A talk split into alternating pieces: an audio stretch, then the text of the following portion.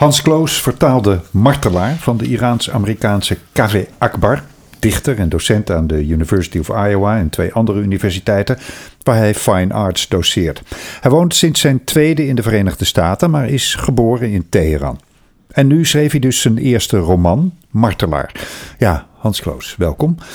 Ehm, als ik die titel lees, denk ik met mijn uit clichés bestaande hoofd, dan is Iran vast niet ver weg. Klopt dat?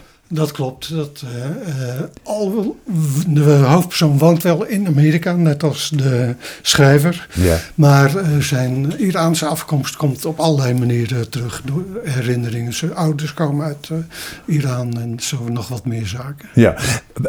Kan je in het kort vertellen waar het boek over gaat? is dat in het kort te doen? Het is wel lastig, want het is een redelijk ingewikkeld boek. Het is wel een heel toegankelijk boek, maar tegelijkertijd is de structuur niet heel doorzichtig. Uh, de hoofdpersoon is Cyrus Shams. Hmm. En net als de auteur, uh, en hij is zelfs als uh, baby in, naar Amerika gekomen samen met alleen zijn vader. Want zijn moeder is omgekomen bij een, in een vliegtuig dat door de, ooit door de Amerikanen uit de lucht is geschoten. Ja, boven de Persische Golf kan ik me herinneren, ja. Een van de historische gebeurtenissen die een grote rol spelen in het boek. Oh ja. En um, hij, de Shams, maakte mij zo ongeveer van uh, zijn studententijd tot uh, midden jaren dertig. Dat is het nu van, van het boek. En uh, in het begin is hij zwaar aan de drank en de drugs. Hm. Als student begint hij daarmee. En, maar in het nu is hij daarvan afgekikt. Maar het speelde wel een grote rol in zijn leven, hoe die er vanaf kan blijven. En hoe die vervolgens uh, als ex-verslaafde zin aan zijn leven kan geven. Hm. En daar komt uh, zijn fascinatie met martelaars uh, om de hoek kijken. Omdat martelaars hun leven zin geven met hun dood. Ja. En daarom houdt hij zich bezig met een soort alternatief soort martelaars. Earth Martyrs, aardse martelaars noemt hij die uh, op een gegeven moment.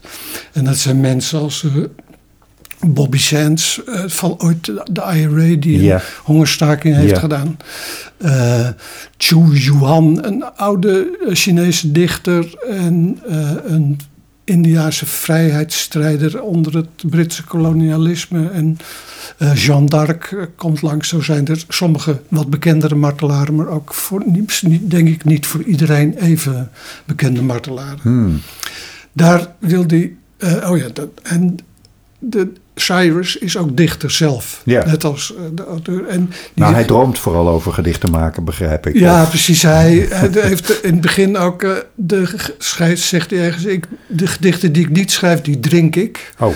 En dat was. Of hij droomt inderdaad toen hij nuchter werd, uh, is hij zich gaan dromen meer. Want er hmm. zitten ook allerlei hoofdstukken in waarin inderdaad een aantal van die dromen langskomen. Waarin hij met zijn overleden moeder praat. Maar zijn overleden moeder praat bijvoorbeeld ook met uh, Lisa Simpson uit de serie The Simpsons. Oh. En Ja, zo zijn er meer onverwachte combinaties van uh, Hmm. uh, personen.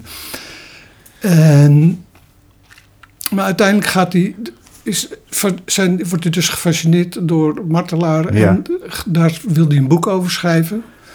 En er duiken ook eh, al kleine stukjes uit het boek op in dit boek. En eh, nou ja, de, gaande het boek, ik zie steeds meer fragmenten duiken erop uit het boek waar hij mee bezig is. En hij ontmoet op een gegeven moment een ook Amerikaans-Iraanse kunstenaar, Orchidee, een vrouw. En die is met iets bezig wat hij zo fascinerend vindt dat hij daar eh, dat hij heel veel gesprekken met haar heeft. En die komen ook weer terug in het boek. En dat heeft een, een zeer verrassend einde, wat ik de eh, lezers niet nu ga verklappen. Gaan we niet verklappen. Goed, de- de- ik, ik lees eh, in de ultrakorte synopsis dat hij vindt dat dat zoeken van martelaarschap, ook de dood, dat dat in de Iraanse aard zit. Ehm, Betekent dat dat, dat de schrijver uh, bijvoorbeeld ook, ook heel veel bezig is met, met Iraanse geschiedenis of Iraanse werkelijkheid? Bijvoorbeeld speelt de Khomeini-revolutie bijvoorbeeld een rol? Alles wat er in Iran uh, Ja, dat, de, de Khomeini-revolutie speelt uh, op de achtergrond een rol, vooral in het leven van zijn ouders. Mm -hmm. en, maar zeker zijn moeder gedraagt zich op een manier die onder de Ayatollahs niet erg uh, uh, werd goedgekeurd. Mm -hmm. Dus ja, dat soort zaken, dat keert op die manier uh, vooral terug. Ja. Het is vooral een, een achtergrond. En, Decor. Ja, maar er zit één punt in, en dat is de Irak-Iran-oorlog. Ja. Tussen Saddam, het, het, Irak van Saddam Hussein en het Iran van de Ayatollahs. Oorlog uit de jaren tachtig, ja. Precies. En uh, daarin heeft een oom van hem meegevochten. En die had een zeer wonderlijke rol in het leger. Als een soort uh, engel des doods die de stervende soldaten langs ging. En dat speelt ook een behoorlijk uh, belangrijke rol in het boek. Om ze het martelaarschap te gunnen. Ja, wellicht, en, maar denk ik dan. Ook, precies. Maar ook om te zorgen dat ze niet op het slagveld in hun lijden zelfmoord plegen. Dus hm. het was een soort dubbele...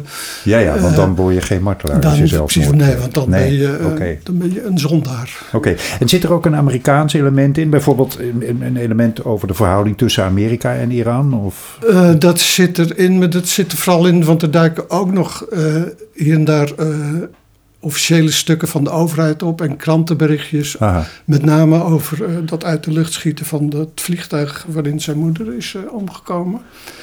En uh, er komt een zekere president invective langs, zo noemt Cyrus en zijn vrienden. En die, dat is een soort. Ze willen, want ze willen de naam Trump niet noemen. Nou. En uh, die, komt ook met, ja, die duikt ook op in zijn dromen en die komt op andere manieren langs. En, uh, ja, dus Goed, die, die, die apotheose met die ontmoeting uh, met die kunstenares enzovoort, dat laten we dus nu even voor wat het is. Daar moeten de mensen echt het boek voor lezen.